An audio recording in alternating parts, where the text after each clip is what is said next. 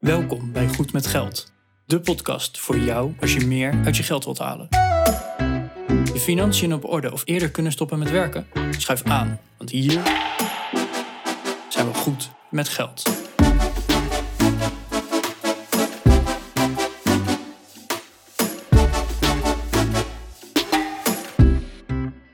aflevering 91 van de Goed met Geld podcast. Ik ben Bas En ik ben Arjan. En wij gaan het vandaag hebben over elektrische auto's. En dan zou je je afvragen wat hebben elektrische auto's toch met goed met geld zijn te maken. We zien tegenwoordig heel veel elektrische auto's rondrijden. En de, de reden dat we er zoveel zien is eigenlijk heel simpel. Ehm, je hoeft minder geld te betalen. Zeker als leaserijder als je zo'n inkoopt. Nou, behalve het feit dat leaserijders voor, eh, voor weinig belasting zo'n eh, elektrische auto kunnen rijden, zitten er wat meer componenten aan. En nou, een deel daarvan heeft met geld te maken. Dus eh, we dachten van laten we eens op een rijtje gaan zetten wat de voor's en tegens van elektrische auto's zijn. Arjan, heb jij een elektrische auto? Nou, dat zat ik me laatst te bedenken. Nee, ik rijd geen elektrische auto. Maar ik zat te bedenken van, nou, ik, eh, ik krijg binnenkort dus een nieuwe auto. En binnenkort, we nemen dit op donderdagochtend op.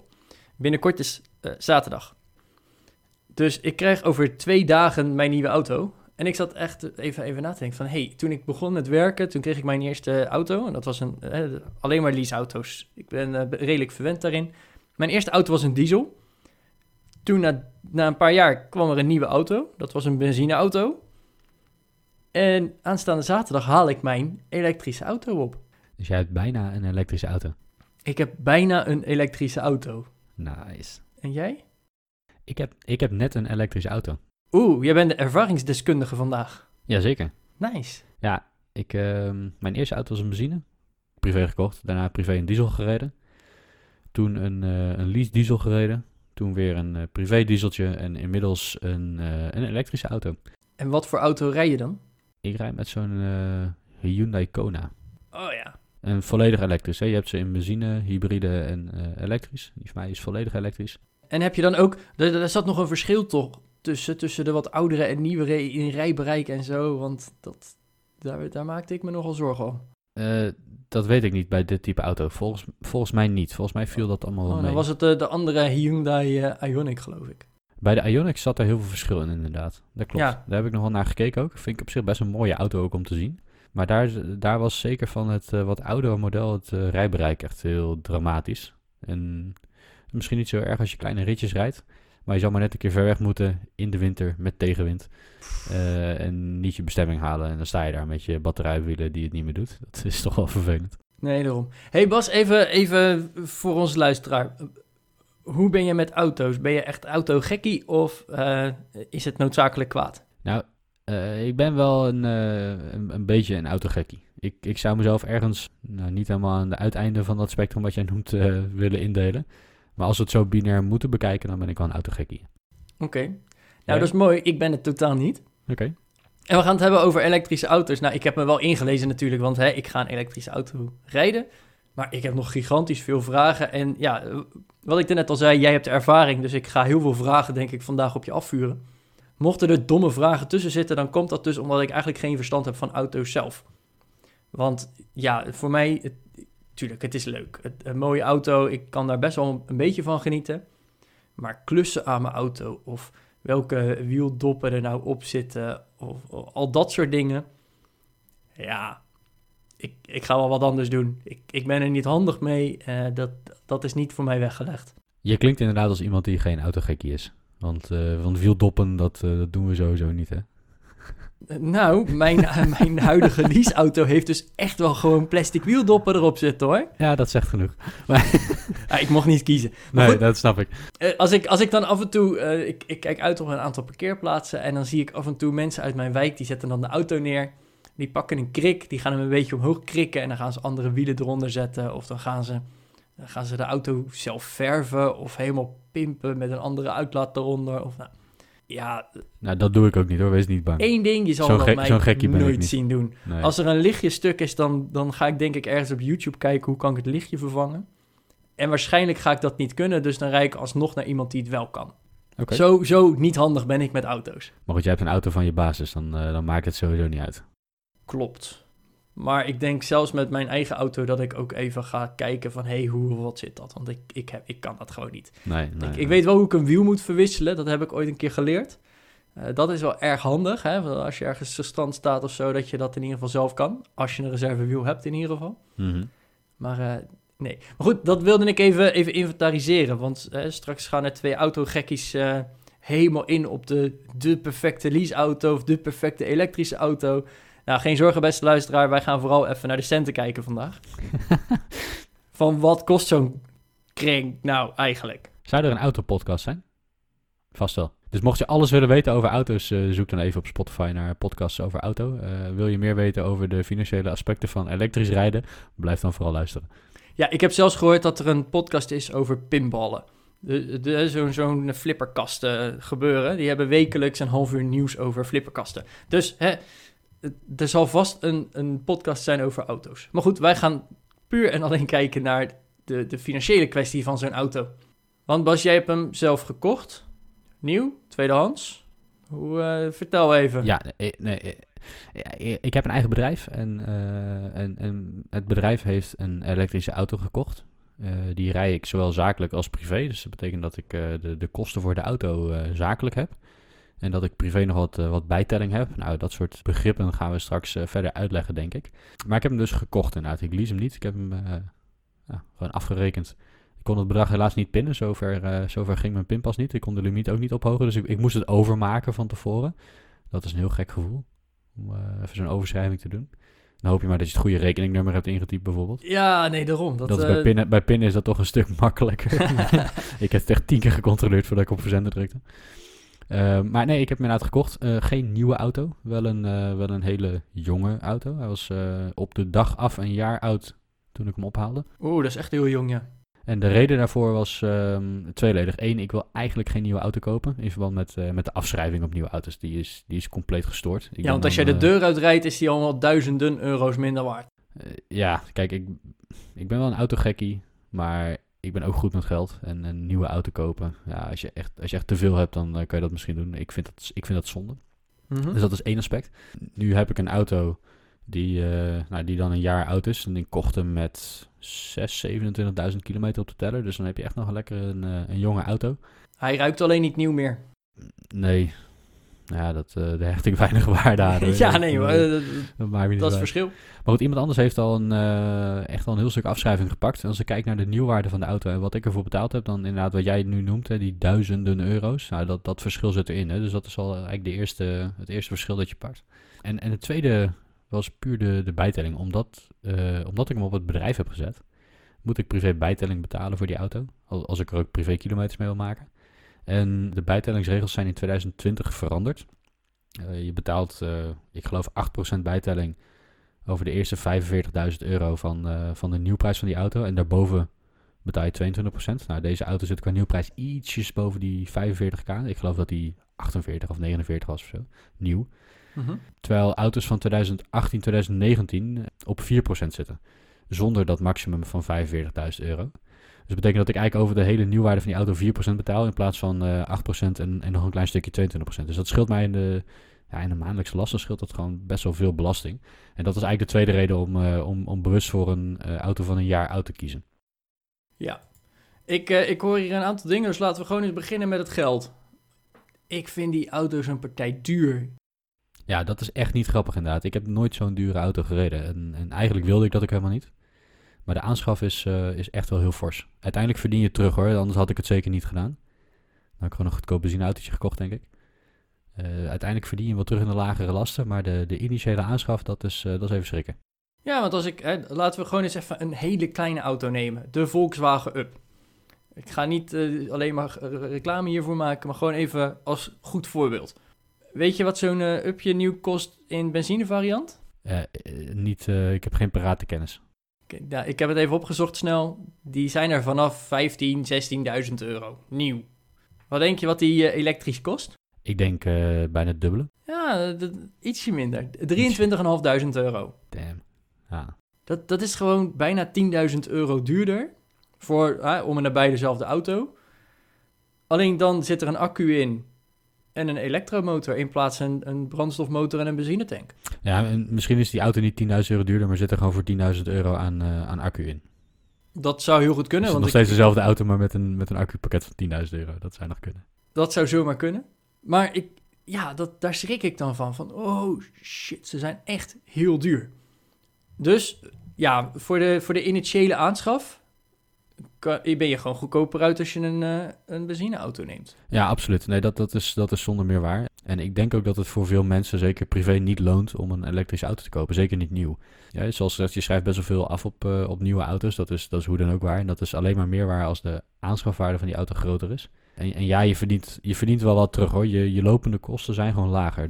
Oké, maar jij bent de ervaringsdeskundige, dus hoe verdien je dat dan terug? Want nou, je bent al 10.000 euro meer kwijt aan gewoon nieuwe auto.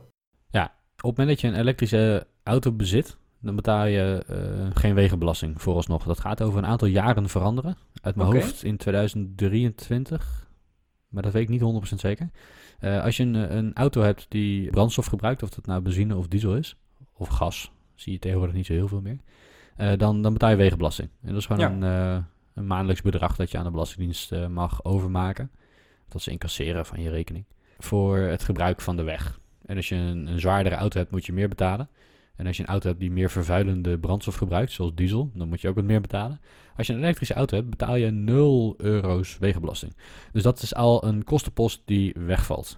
Oké, dus ik heb het even opgezocht. Dat scheelt dus eh, 248 euro per jaar. Nou, dat weet ik niet.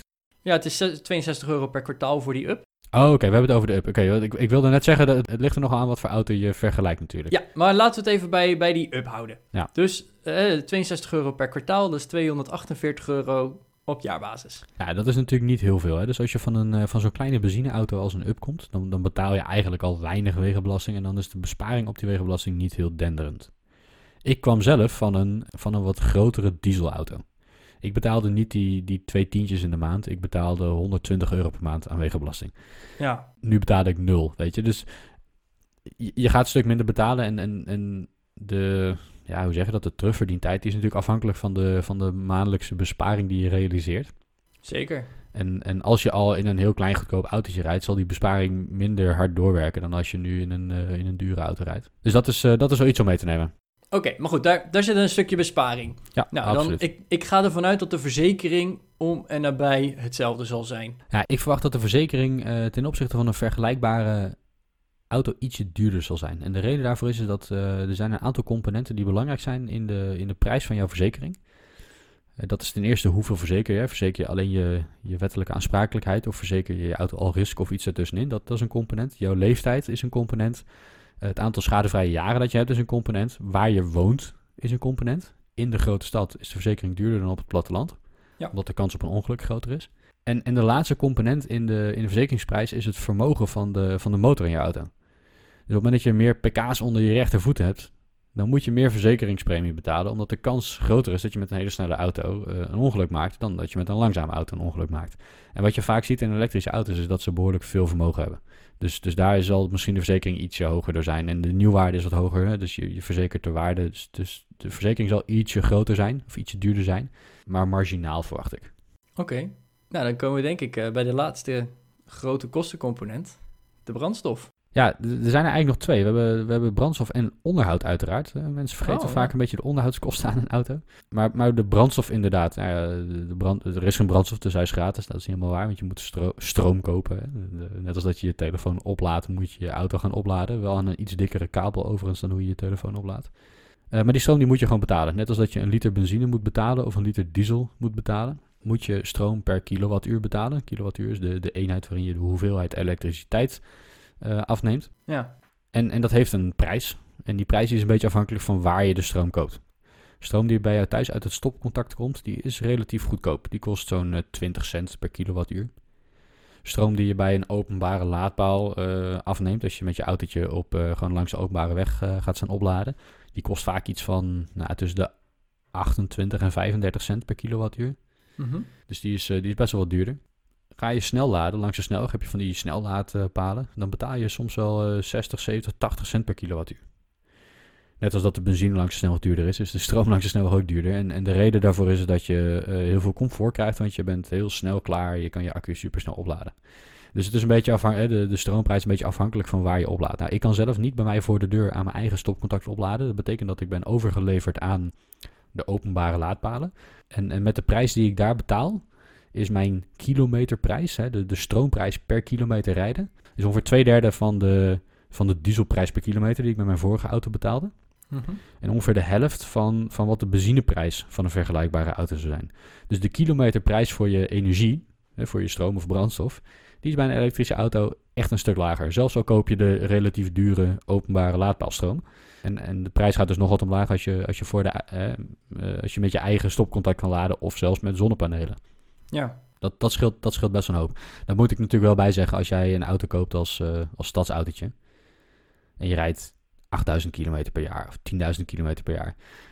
Dan zijn de brandstofkosten niet de grootste kostenposten die je hebt. Ben jij uh, verkoper en zit je veel langs de weg, ben je veel bij klanten en je rijdt uh, eh, 60.000 kilometer per jaar, ja, dan is brandstof natuurlijk echt wel een hele grote kostenpost. En dan, dan zal het zeker gaan lonen om, om die stroomkosten te gaan pakken in plaats van... Ja, dan ga je ergens een beetje uitkomen inderdaad. Ja, dat, nou, dan is die besparing veel groter natuurlijk. Ik, ik heb dus even heel snel inderdaad de, de berekening gemaakt. bij onze up, hè, ons voorbeeld, kost het je ongeveer, hè, als je, als je die, die laadpaal aan de weg neemt, ongeveer 10 euro om je accu vol te laden. Uh, dat is dan een accu van 36,8 kilowattuur. En als je dan gaat kijken van, oké, hoeveel kilometer rij je daarop? Dat is ongeveer 250 kilometer. Dat is de range van dat autootje. Mm Nou, dat is ongeveer een halve benzinetank. Dus ik heb het, uh, dat tientje maar even keer 2 gedaan. Dus dan heb je, vergelijkbaar met een normale benzinetank van 500 kilometer... ben je ongeveer 20 euro aan, aan elektriciteitskosten kwijt. Ja. Nou, ga maar even een, een, een Volkswagen Up vol tanken. Nou, ik denk dat je inderdaad dan al een keer twee kwijt bent aan, uh, aan die brandstofkosten. Ja, dat, dat denk ik ook. Dat is ook ongeveer de rekensom die ik heb gemaakt inderdaad. Oké, okay, dat, dat zijn aardige verschillen. En uh, hoe zit het dan met dat onderhoud? Want dat was jouw laatste punt. Als je een brandstofauto hebt, dan heb je van die onderhoudsbeurtjes. Ja, dan, dan wordt er van alles nog wat gecontroleerd. Vloeistoffen bijgevuld, onderdelen vervangen, noem maar op. En dat kan soms best wel prijzig zijn. Ik heb wel eens met mijn vorige auto een onderhoudsbeurt van 900 euro gehad. Dat is niet grappig. Nee. dan uh, sta je gewoon met je privéauto en je privé pas even 900 euro af te tikken, zodat je weer een jaartje vooruit kan met die auto. Dat, uh, op een gegeven moment uh, gaat dat ook vervelen. En, en de reden daarvoor is, is dat, dat onderhoud aan brandstofauto's is gewoon ja, omvangrijk. Er zitten heel veel bewegende onderdelen in een, in een brandstofmotor. Er zitten allemaal vloeistoffen in om van alles nog wat te smeren en te koelen en weet ik wat allemaal. Dat, dat is heel onderhoudsintensief. Er zit veel slijtage in. Mhm. Ehm, en, en, dat maakt gewoon dat, dat onderhoud vrij duur is. Bij een elektrische auto heb je dat veel minder. Ik wil niet zeggen dat ze onderhoudsvrij zijn, ze zijn wel redelijk onderhoudsarm. Uh, een distributieriem zit er niet in. Een waterpomp zit er niet in. Uh, olie zit er niet in. Weet je, dus al die, al die standaard kostenposten die je aan een, uh, aan een benzine of een dieselauto hebt, die heb je eigenlijk niet bij een, bij een elektrische auto. Het onderhoud is, ja, omdat er gewoon minder bewegende onderdelen in zo'n, in zo'n auto zitten, is een, is een stuk goedkoper. Wat je natuurlijk wel hebt, is slijtage van de remmen, slijtage van de wielen. Je uh, ruitenwisselvloeistof moet een keertje bijgevuld worden, dat soort dingen. Dat, dat verandert natuurlijk niet. Maar, je, maar de versnellingsbak olie verversen, nou, dat soort dingen, dat, die ga je echt niet krijgen. Oké, oké. Ja, dat, dat, dat zal dan inderdaad echt heel veel gaan schelen. Nou is dat bij een nieuwe auto, is het onderhoud überhaupt al wat goedkoper, hè, omdat alles gloedje nieuw is. Dus ja. dan, dan valt dat vaak wel mee in vergelijking met een auto die een jaar of tien is. Ja. Maar ik, ik kan me wel indenken dat, dat daar ergens ook wel een, een besparing gaat komen. Oké, dus hè, qua kosten technisch, ja, je, je bent dus goedkoper in onderhoud en goedkoper in, in de brandstofkosten of de Mhm. elektriciteitskosten. Ja. De aanschaf is wel een stuk duurder. Ja. En de wegenbelasting is voorlopig in ieder geval nog even nul. Ja, de wegenbelasting is nul. En uh, dat is, zoals gezegd, hij gaat over een aantal jaar gaat die veranderen. Dan, dan gaan we ook met elektrische auto's gaan wegenbelasting betalen. Alleen we gaan niet gewoon wegenbelasting betalen. Uh, ik geloof dat ze eerst met 25% van de benzineprijs gaan rekenen. En dat dan elk jaar een kleine stapjes omhoog gaan gooien. Ja. Dus, uh, dus de komende paar jaar is die nog gratis. En, en daarna zal die heel goedkoop zijn. En dat zal echt nog wel jaren duren voordat je de, de volledige wegenbelasting betaalt. Oké, dus, dus hè, als ik het even zo samenvat, als je hem zelf gaat kopen, dan is het nog steeds een flinke smak geld. Of je nou een benzineauto koopt of een ele- elektrische auto, het is sowieso een smak geld. Mhm. Maar dat is een heel groot verschil. Maar pas als je echt relatief wat meer rijdt, gaat het je echt geld schelen. Ja, dat, dat is het met name. Als we kijken naar wat we bedrijfseconomisch de total cost of ownership noemen. En dan, dan kijk je naar ehm, hoe lang heb ik de auto. Wat betaal ik er voor aan het begin en wat krijg ik ervoor terug aan het eind. Want dan, dan weet ik hoeveel waardeverlies ik heb gehad. En ik kijk naar alle kosten die ik heb gehad. Ja, dan is die total cost of ownership over de looptijd dat je dus een auto bezit. Hè, vijf jaar, tien jaar, weet ik veel wat voor periode je kiest. Die is meestal voor een elektrische auto lager dan voor een brandstofauto. Vergelijkbare, vergelijkbare brandstofauto. Beetje afhankelijk van hoeveel kilometers je rijdt. Als je meer kilometers rijdt, dan, dan wordt die heel snel goedkoper. Eh rij je echt heel, heel weinig kilometers, dan, ehm, ja, dan zal die total cost of ownership waarschijnlijk hoger zijn. Gewoon vanwege de hogere aanschaf. Maar dan gaan we nog even naar de zakelijke markt kijken. Want hè, wat, je, wat je nu ziet, ik werk voor een bedrijf met best wel veel leaseauto's. En daar staan tegenwoordig steeds meer elektrische auto's tussen. En we hadden het al eigenlijk even over die bijtelling. Want die bijtelling die maakt het heel interessant om voor jou als werknemer die een, een leaseauto mag rijden, Mhm. om dan te kiezen voor een elektrische auto. Ja. Want de bijtelling is gewoon goedkoper. Nou, hoe, hoe werkte die bijtelling ook alweer? Nou, dat kan je sowieso nog even terug gaan luisteren in de aflevering die we hebben gemaakt over de bijtelling. Maar de bijtelling is eigenlijk een percentage van de catalogusprijs van jouw auto. En die wordt toegevoegd aan jouw salaris. Dus als jij een auto van eh 20.000 euro gaat rijden, hè, de, de baas die koopt hem voor je, die leest hem voor je, Mhm. en jij mag die gaan rijden. eh, en het is een benzineauto. Dan wordt er 22% van die catalogusprijs, dus van die 20.000 euro, wordt toegevoegd aan jouw jaarsalaris. Ja, aan je belastbare salaris. Aan jouw belastbare salaris. Dus dat is 4400 euro en daar moet jij belasting over gaan betalen. Zo werkt die hele bijtelling. Ja. Bij een elektrische auto werkt dat hetzelfde, alleen is het een stuk goedkoper. Want waar het bij een, een benzine of een diesel of een gasauto eh, 22% is, is dat bij een elektrische auto, eh, as we speak, in 2020, 8% voor de eerste 45.000 euro. Ja. Nou Bas, jij gaf al aan, je hebt een wat oudere auto, hè, 2019. Toen was het 4% over de eerste 50.000 euro. Correct. Dus nou, stel jij koopt dus een, een auto van 50.000 euro uit, in 2019, hè? Mhm. dan wordt daar 4% over berekend en dat wordt toegevoegd aan jouw salaris waar je belasting over moet betalen. Dus Ja. is dat precies 50.000 euro, dus 4% is 2000 euro, wordt Mhm. toegevoegd aan jouw bruto jaarsalaris en daar moet je belasting over betalen. Ja. Nou, even het vergelijk. We hadden er net een auto van 20.000 euro op benzine. Dat is 4400 euro waar je wat toegevoegd wordt aan jouw bruto salaris.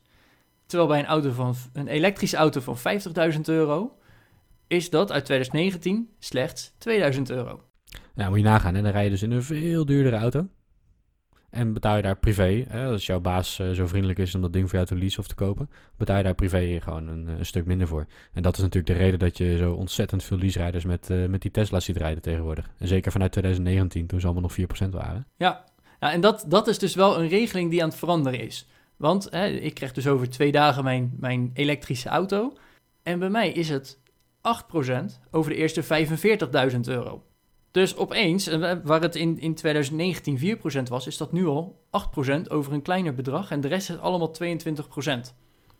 Maar alsnog, 8%, dat is maar net iets meer dan een derde van de 22% die ik anders had betaald. Dus mijn elektrische auto, hoewel die in aanschaf dus een stuk duurder is, kan die tot wel drie keer zo duur zijn bijna in de eerste 45.000 euro. En betaal ik er effectief hetzelfde voor. Dus op die manier wordt het voor de zakelijke rijder wordt het ook gewoon een stuk aantrekkelijker gemaakt om voor zo'n elektrische auto te kiezen. Volgend jaar wordt de regels eh, nog minder soepel en dan wordt het eh, bijtellingspercentage 12% over de eerste 40.000 euro. Eh, en alles daarboven wordt 22%. Dus hoe verder we in, in de toekomst gaan kijken, hoe minder gunstig het wordt om zo'n elektrische auto te gaan rijden. Nou hoop ik natuurlijk wel dat die elektrische auto's ook gewoon een stuk goedkoper gaan worden. Dat zie je ook wel terug, hè, want de, de productie wordt steeds groter, er komen steeds meer modellen, eh, technieken gaan vooruit, dus het produceren van zo'n auto wordt goedkoper. Dus de catalogusprijs wordt ook goedkoper. Maar ja, effectief is het nog steeds wel eh, een, tikje duurder. En dus wordt het op die manier toch een, eh, een stukje gestimuleerd vanuit de overheid. Ja, ja, kijk, we hebben het nu natuurlijk heel erg over de, over de centen gehad. Ik vind ook gewoon dat als je de middelen hebt, dat je er best wel over na mag denken over hoe je die middelen kunt inzetten voor, voor het milieu, voor de maatschappij. En als je in de markt bent voor een elektrische auto en je hebt die middelen, of omdat jouw baas jou de keuze geeft om elektrisch te gaan rijden in plaats van benzine, of omdat je zelf het geld hebt om een elektrische auto te kopen. Ja, ik vind niet dat het verplicht moet zijn of zo. Ik bedoel, ik ben heel erg van de individuele vrijheid. Ehm, maar ik, ik vind het voor mezelf wel een, uh, een, een, dingetje dat, dat ik denk van ja, ik, ik kan inderdaad een benzineauto kopen. Maar ja, ik heb ook de middelen om een elektrische auto te kopen. En dat is ook nog een stukje beter voor het milieu. Dus misschien, behalve dan dat ik hem uiteindelijk terugverdien, omdat mijn maandlasten omlaag gaan, ehm, vind ik het milieutechnisch ook wel een, eh, een argument om zo'n ding te gaan rijden. Heeft dat bij jou meegespeeld, Arjen? Nou, heel eerlijk, ik heb wel eerst even naar de centen gekeken. Maar ik, ik ben best wel lang bezig al geweest voor een elektrische auto. Ik heb echt gekeken van oké, maar hoe zit dat nou? Want een van mijn grootste zorgen is dat rijbereik. Ja. Hoe ver kan ik op een accu komen? Ja. Uh, toen ik voor het eerst ging kijken, was het rijbereik 2, 250 kilometer. Ja, dat, dat is niet heel veel vergeleken met een benzineauto. Zeker als je dan nog eens bedenkt dat laden best nog wel lang kan duren. Hmm. Hè, stel bij de snellader, dan sta je alsnog gauw 20 tot 30 minuten bij de snellader, voordat die weer op 80% vol zit. Nou, dat, dat is best wel even een verschil met even 5 minuten tanken. Ja, nee, absoluut. En eh, dus dat, dat was wel een van de ja, dingen waar ik over na heb gedacht. Nou, ik, uh, mijn, mijn leasecontract verliep. Dus ik, uh, ik mocht weer om me heen gaan kijken van oké, wat voor auto zou ik willen? En heel toevallig kwam Volkswagen met de, de ID3. Oh ja. Een compleet nieuw model. Mhm. Uh, een nieuw platform ook waar ze die auto op bouwen. En ook juist voor de, voor de gewone man, zoals Volkswagen dat zelf uh, zo, zo goed kan verkopen. In de marketing. In de marketing zetten, jawel, jawel, het is er weer gelukt. Maar ja, dat, dat vind ik dan wel... Ik denk van, hè, het is nog steeds een, een hele smak geld hoor, want ook die ID3 die is gigantisch duur. Maar ze hebben dus niet gekeken van, oké, hoe kunnen we hem zo luxe mogelijk maken? Nee, ze hebben veel meer gekeken, oké, hoe kunnen we dat rijbereik voldoende maken voor de gewone man, hè? Zonder dat dat ding meteen 100.000 euro gaat kosten. Nou, ik denk dat ze daar aardig in geslaagd zijn. Dus uh, mijn nieuwe auto wordt inderdaad ook de ID3. Oké, okay, leuk. En ja, ik, ik denk dat dat wel een, een ding gaat worden ook voor in de toekomst. Dat je inderdaad gaat kijken van, oké, hoe is dat rijbereik? Want hey, jij hebt dan een, een occasion gekocht van slechts een jaar oud. Dus dan valt het nog wel mee hoe, hoe die accu minder is geworden. Maar ja, daar ben ik ook wel heel benieuwd naar. Hoe gaat dat in de toekomst? Hoe zit dat met het rijbereik van tweedehands accu's? Nou, dat, dat zijn dus dingen die ik in de overweging heb meegenomen. Mm -hmm. Maar ik was wel uh, in de gedachtegang van, nou, stel dat het net wat minder is dan een tank. Stel 300, 350 kilometer. Dan vind ik het dat wel waard. Hè, dat ik wat vaker langs een laadpaal moet gaan staan, dat ik iets meer moet gaan plannen. Hè, want volgens mij moet je iets meer plannen bij het, het rijden van een elektrische auto. Dan vind ik het dat wel waard ten opzichte van het milieuvoordeel wat je erbij haalt. Ja, dat, dat plannen herken ik wel. Wat ik nu doe, ik, ik heb een bereik van zo'n 400 kilometer. De, de accu, hij geeft zelf aan 470 kilometer. In de praktijk haal je daar ietsje minder mee. Uh, dat, dat is nou helemaal zo. Net als dat het praktijkverbruik van een benzineauto altijd uh, tegenvalt ten opzichte van wat in het boekje staat. Maar ik haal in de praktijk toch zo'n 400 kilometer, 380, 400. En, en dat betekent dus wel dat je even iets moet gaan plannen. Hè? Zeker als je een paar lange ritten achter elkaar maakt. Dan kan je niet zeggen van, oh nee, ik ga morgenochtend wel even tanken voordat ik uh, doorrijd naar mijn volgende bestemming. Zo, zo werkt het niet. Je moet, dan moet je even over nadenken, want dat tanken dat duurt gewoon wat langer. En ik moet er wel bij zeggen, de tijd die het mij kost, die, die is een stuk minder. Uh, want ik sta meestal s'nachts op te laden. Dus in plaats van dat ik vijf minuten bij het uh, station uh, sta te tanken en dat ik naar binnen moet en moet pinnen en weer naar buiten moet lopen enzovoorts. En een klein stukje moet omrijden voor die, om bij die pomp te komen. Mm -hmm. die, die tijd kost het mij nu niet meer. Want ik heb in mijn straat gewoon een paar van die laadpalen staan. Dus ik kom aanrijden thuis, ik parkeer mijn auto, ik plug die stekker in en that's it. Dus het kost mij geen tijd om te tanken. Ja, dus een klein, stuk, klein, stukje tijdsbesparing. Maar het duurt wel gewoon heel lang voordat je weer verder kan rijden. Het een beetje afhankelijk van hoe groot je accu natuurlijk is, hoe ver die leeg is en hoeveel vermogen de laadpaal kan leveren.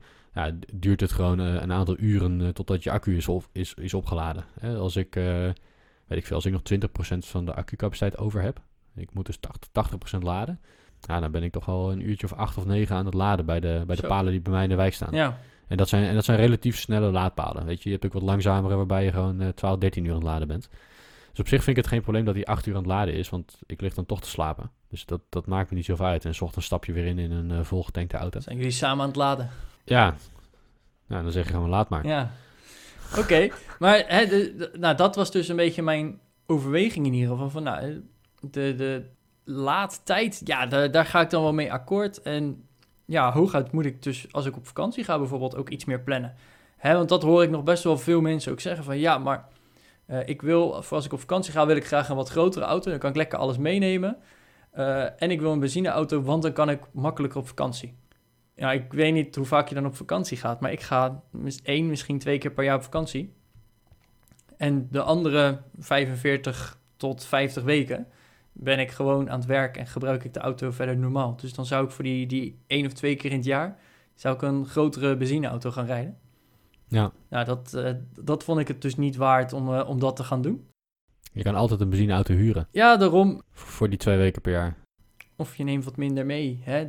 Ik heb geen caravan. Die kan je volgens mij achter geen enkele elektrische auto hangen op dit moment. Ja, ik, ik zie wel eens elektrische... Die van mij heeft geen trekhaak, maar ik zie wel eens elektrische auto's met trekhaak. Dus, dus ik weet niet... Ja, misschien als je een klein aanhangertje erachter hangt... is het natuurlijk ook anders dan een caravan van 1500 kilo. Ik heb hem dus eh, een, een nieuw mogen bestellen. En ik had inderdaad de optie voor een trekhaak. Of nee, dat moet ik even verbeteren. Het mag geen trekhaak heten namelijk. Het heet een steunhaak. Want je mag er alleen een fietsendrager op zetten. Het maximum belasting is 75 kilo. Mhm. Dus je mag er alleen maar een, een fietsendrager met twee fietsen of een wat, ja, een, een dakkoffer die je dan op je trekhaak zet of zo. Maar meer mag niet. Dus je mag er ook geen, geen klein eh, vouwwagentje of een caravan of wat dan ook achter hangen. Nee, Hooguit een fietsendrager. ja, precies. Dus toen heb ik ook gezegd, nou dan huur ik wel fietsen. Mhm. Want dat is uiteindelijk veel goedkoper dan een, een trekhaak op mijn, eh, of een steunhaak op mijn auto. Ja, Dus eh, inderdaad, je hebt ze inderdaad met een haak erachter, maar vaak is dat alleen maar voor de fietsen. En de discussie die er dan ook nog is, is van ja, eh, ze roepen altijd wel, die auto heeft 0, 0 CO2-uitstoot. Dat is natuurlijk niet waar. Oké, er komt geen CO2 uit de uitlaat, want er is geen uitlaat. Dus, dus daar zit natuurlijk te- wel technisch gezien in. stoot inderdaad de auto niks uit. Klopt. Maar, Maar ja, die, dat, die stroom, de, elektriciteit, die moet ook gemaakt worden. En ja, dat, het ligt er dus inderdaad een beetje aan van, nou, waar wordt de stroom opgewekt? Die auto moet ook geproduceerd worden. Nou, dat kost echt Mhm. enorm veel energie om zo'n auto te produceren. Het kost veel warmte om het metaal te, te eh, smelten en noem maar op, te vormen. Het, het plastic moet gemaakt worden, noem maar het, Er zit echt nou goed, dat geldt voor alle auto's. dat natuurlijk. geldt voor alle auto's. Maar dan heb je ook nog eens die, die elektriciteit. Ja. Ja, waarschijnlijk stoot het minder CO2 uit, effectief. Mhm, mhm. Eh, maar dat ligt dus vooral aan waar komt de stroom vandaan. Ja. ja, wat je ziet in Nederland is dat de, de, de energiemix, of de, de stroommix in Nederland, hè, van hoe wij dat opwekken, is dat we toch een heel groot gedeelte van onze stroom nog uit aardgas en kolen halen. Eh, bij elkaar iets van eh 80 of 85 procent, geloof ik. dus dat betekent wel dat, eh, dat, dat een vrij groot deel van onze stroom nog eh, ja, toch wel voor CO2-uitstoot zorgt tijdens de productie.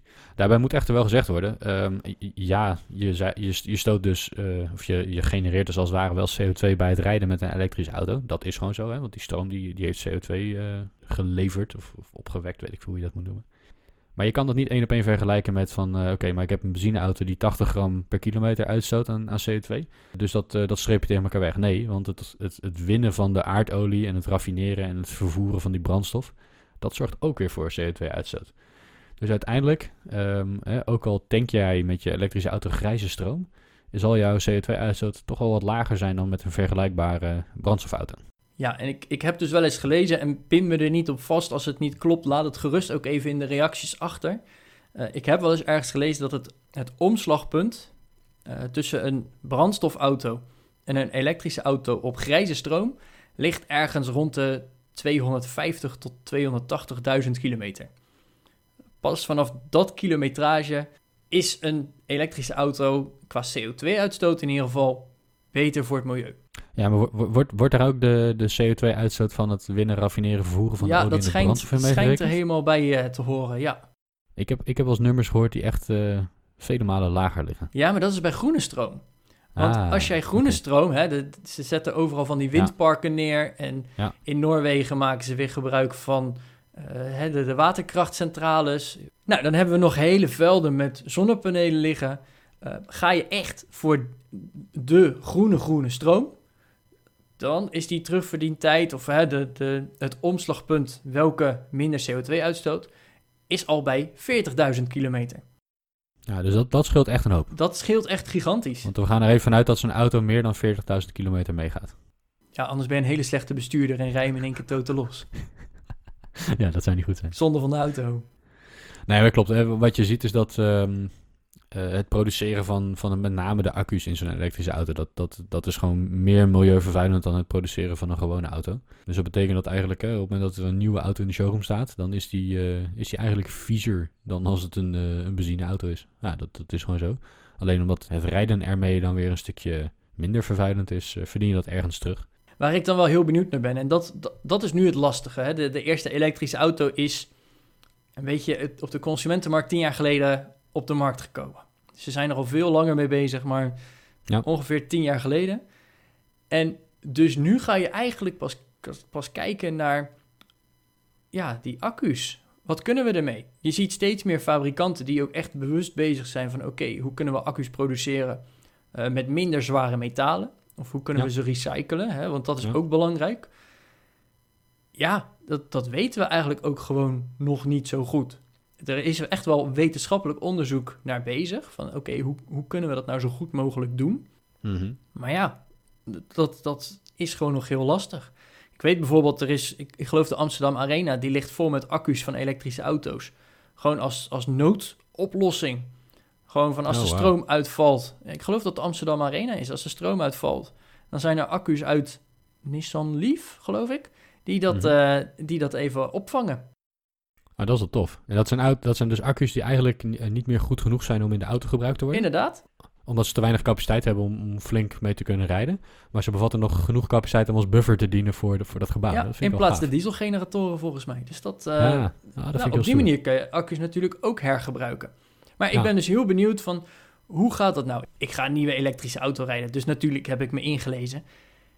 En ja, dan, dan zijn, zijn er ook filmpjes online van Tesla-rijders.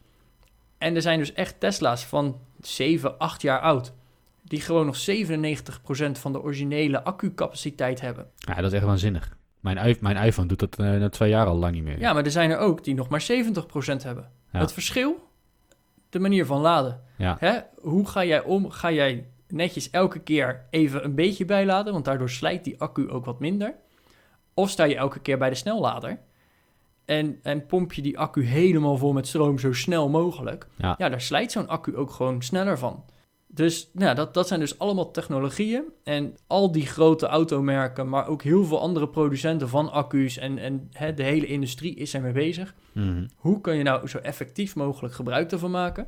Want hoe sneller die snellader werkt, hoe meer comfort je natuurlijk hebt van je elektrische auto. Zo simpel is het ook. Zeker weten. Maar aan de andere kant willen ze het ook, ja, toch met, met oog op het milieu. Kijken van, oké, hoe kunnen we dat nou recyclen? Hoe kunnen we dat nou zo, zo goed mogelijk maken, zodat het milieu minder belast wordt? Nou, en dat, dat zijn dus ook nog eens dingen waar ik, ja, toch wel heel benieuwd naar ben. Hoe dat in de toekomst gaat. Ja, daar ben ik ook wel benieuwd naar. En eh, er zijn een heleboel hele gave initiatieven. Eh, misschien moeten we een keer een, eh, een energietransitie-expert uitnodigen om daarover mee te komen praten. Ik denk dat eh, het onderwerp elektrische auto's daarvoor net even niet, niet ver genoeg reikt. Het voorbeeld dat jij noemde met die, met die oude afgeschreven accu's in, de, in de arena, dat, dat is een hele gave. En zo zie je wel meer, ja, meer initiatieven die ontplooid worden eigenlijk om de milieubelasting van elektrische auto's te verlagen. Want in plaats van dat de accu wordt afgeschreven en ja, dat, die, dat die afgevoerd moet worden, zeg maar, kan die gewoon een tweede leven krijgen. En, ehm, dat vind ik, wel, vind ik heel gaaf. Ja, Maar goed, even terugkomend op de elektrische auto. Ehm, de, de TLDR van de elektrische auto is super duur om te kopen, super goedkoop om mee te rijden. Dus eh, als je genoeg rijdt en je houdt hem lang genoeg, dan is die goedkoper. Is dat een beetje een goede samenvatting van vandaag? Ja, en eh, overweeg je inderdaad een elektrische auto te gaan rijden, kijk, kijk echt even van oké, wat is nou het meest gunstig voor jou ook? Eh, misschien is het wel beter om een occasion te kopen. Kijk Ja. ook vooral even welk model en welke accucapaciteit dat model heeft. Want Ja. ik, ik zie dus inderdaad auto's van, nou nieuw, dat het goedkoopste is, ligt ergens rond de 25.000 euro. Mhm. En bij sommigen heb je maar een, een rijbereik van 130 kilometer. Ja, dat, dat is prima als je een stadsautootje neemt. Maar probeer niet even Amsterdam-Groningen op een dag even op en neer te doen. Dat, dat is Nee. gewoon niet te doen. Terwijl voor hetzelfde Nee. geld heb je ook auto's, hè, een beetje hetzelfde formaat en alles, die wel opeens 250 kilometer kunnen rijden. Nou, dan is Groningen-Amsterdam. Ja, dat, dat kan prima een keertje op en neer. Ja, ja, en dan heb je nog waarschijnlijk dat ze het in de winter een stukje minder goed doen dan in de zomer. Omdat een koude accu gewoon minder efficiënt is. Zeker. Dus, dus kijk als je dan een elektrische auto gaat kopen. Ja, ik heb er net eens gekocht. Ik weet alles, man, van die techniek. Oké, dat is natuurlijk niet waar. Ik weet niet alles. Maar ik heb, ik heb me goed ingelezen. Eh, check even of jouw eh, de auto die je gaat kopen een actief gekoeld en verwarmde accu heeft. Dan als het heel koud is of heel warm, dan, eh, ja, dan wordt die netjes ehm, ja, wat gekoeld of verwarmd. Zodat de, de, de accu wat efficiënter werkt. Daardoor heb je meer actieradius. Kun je eh, beter opladen ook. Hè. Dat is natuurlijk ook wel prettig. En check ook, en zeker in Nederland is dat belangrijk, of de auto die je gaat kopen een warmtepomp heeft.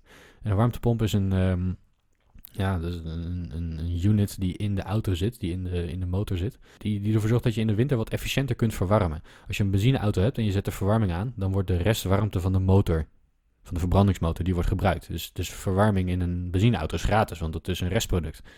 In, in een elektrische auto moet, er een, eh, ja, moet, moet je elektrisch gaan verwarmen. En ik heb geen idee of je door hebt hoeveel stroom het kost om iets elektrisch te verwarmen. Met zo'n gloeispiraal, dat is eh, echt een hele gore manier van warmte opwekken. Kost superveel stroom en daarmee heel veel actieradius in de winter.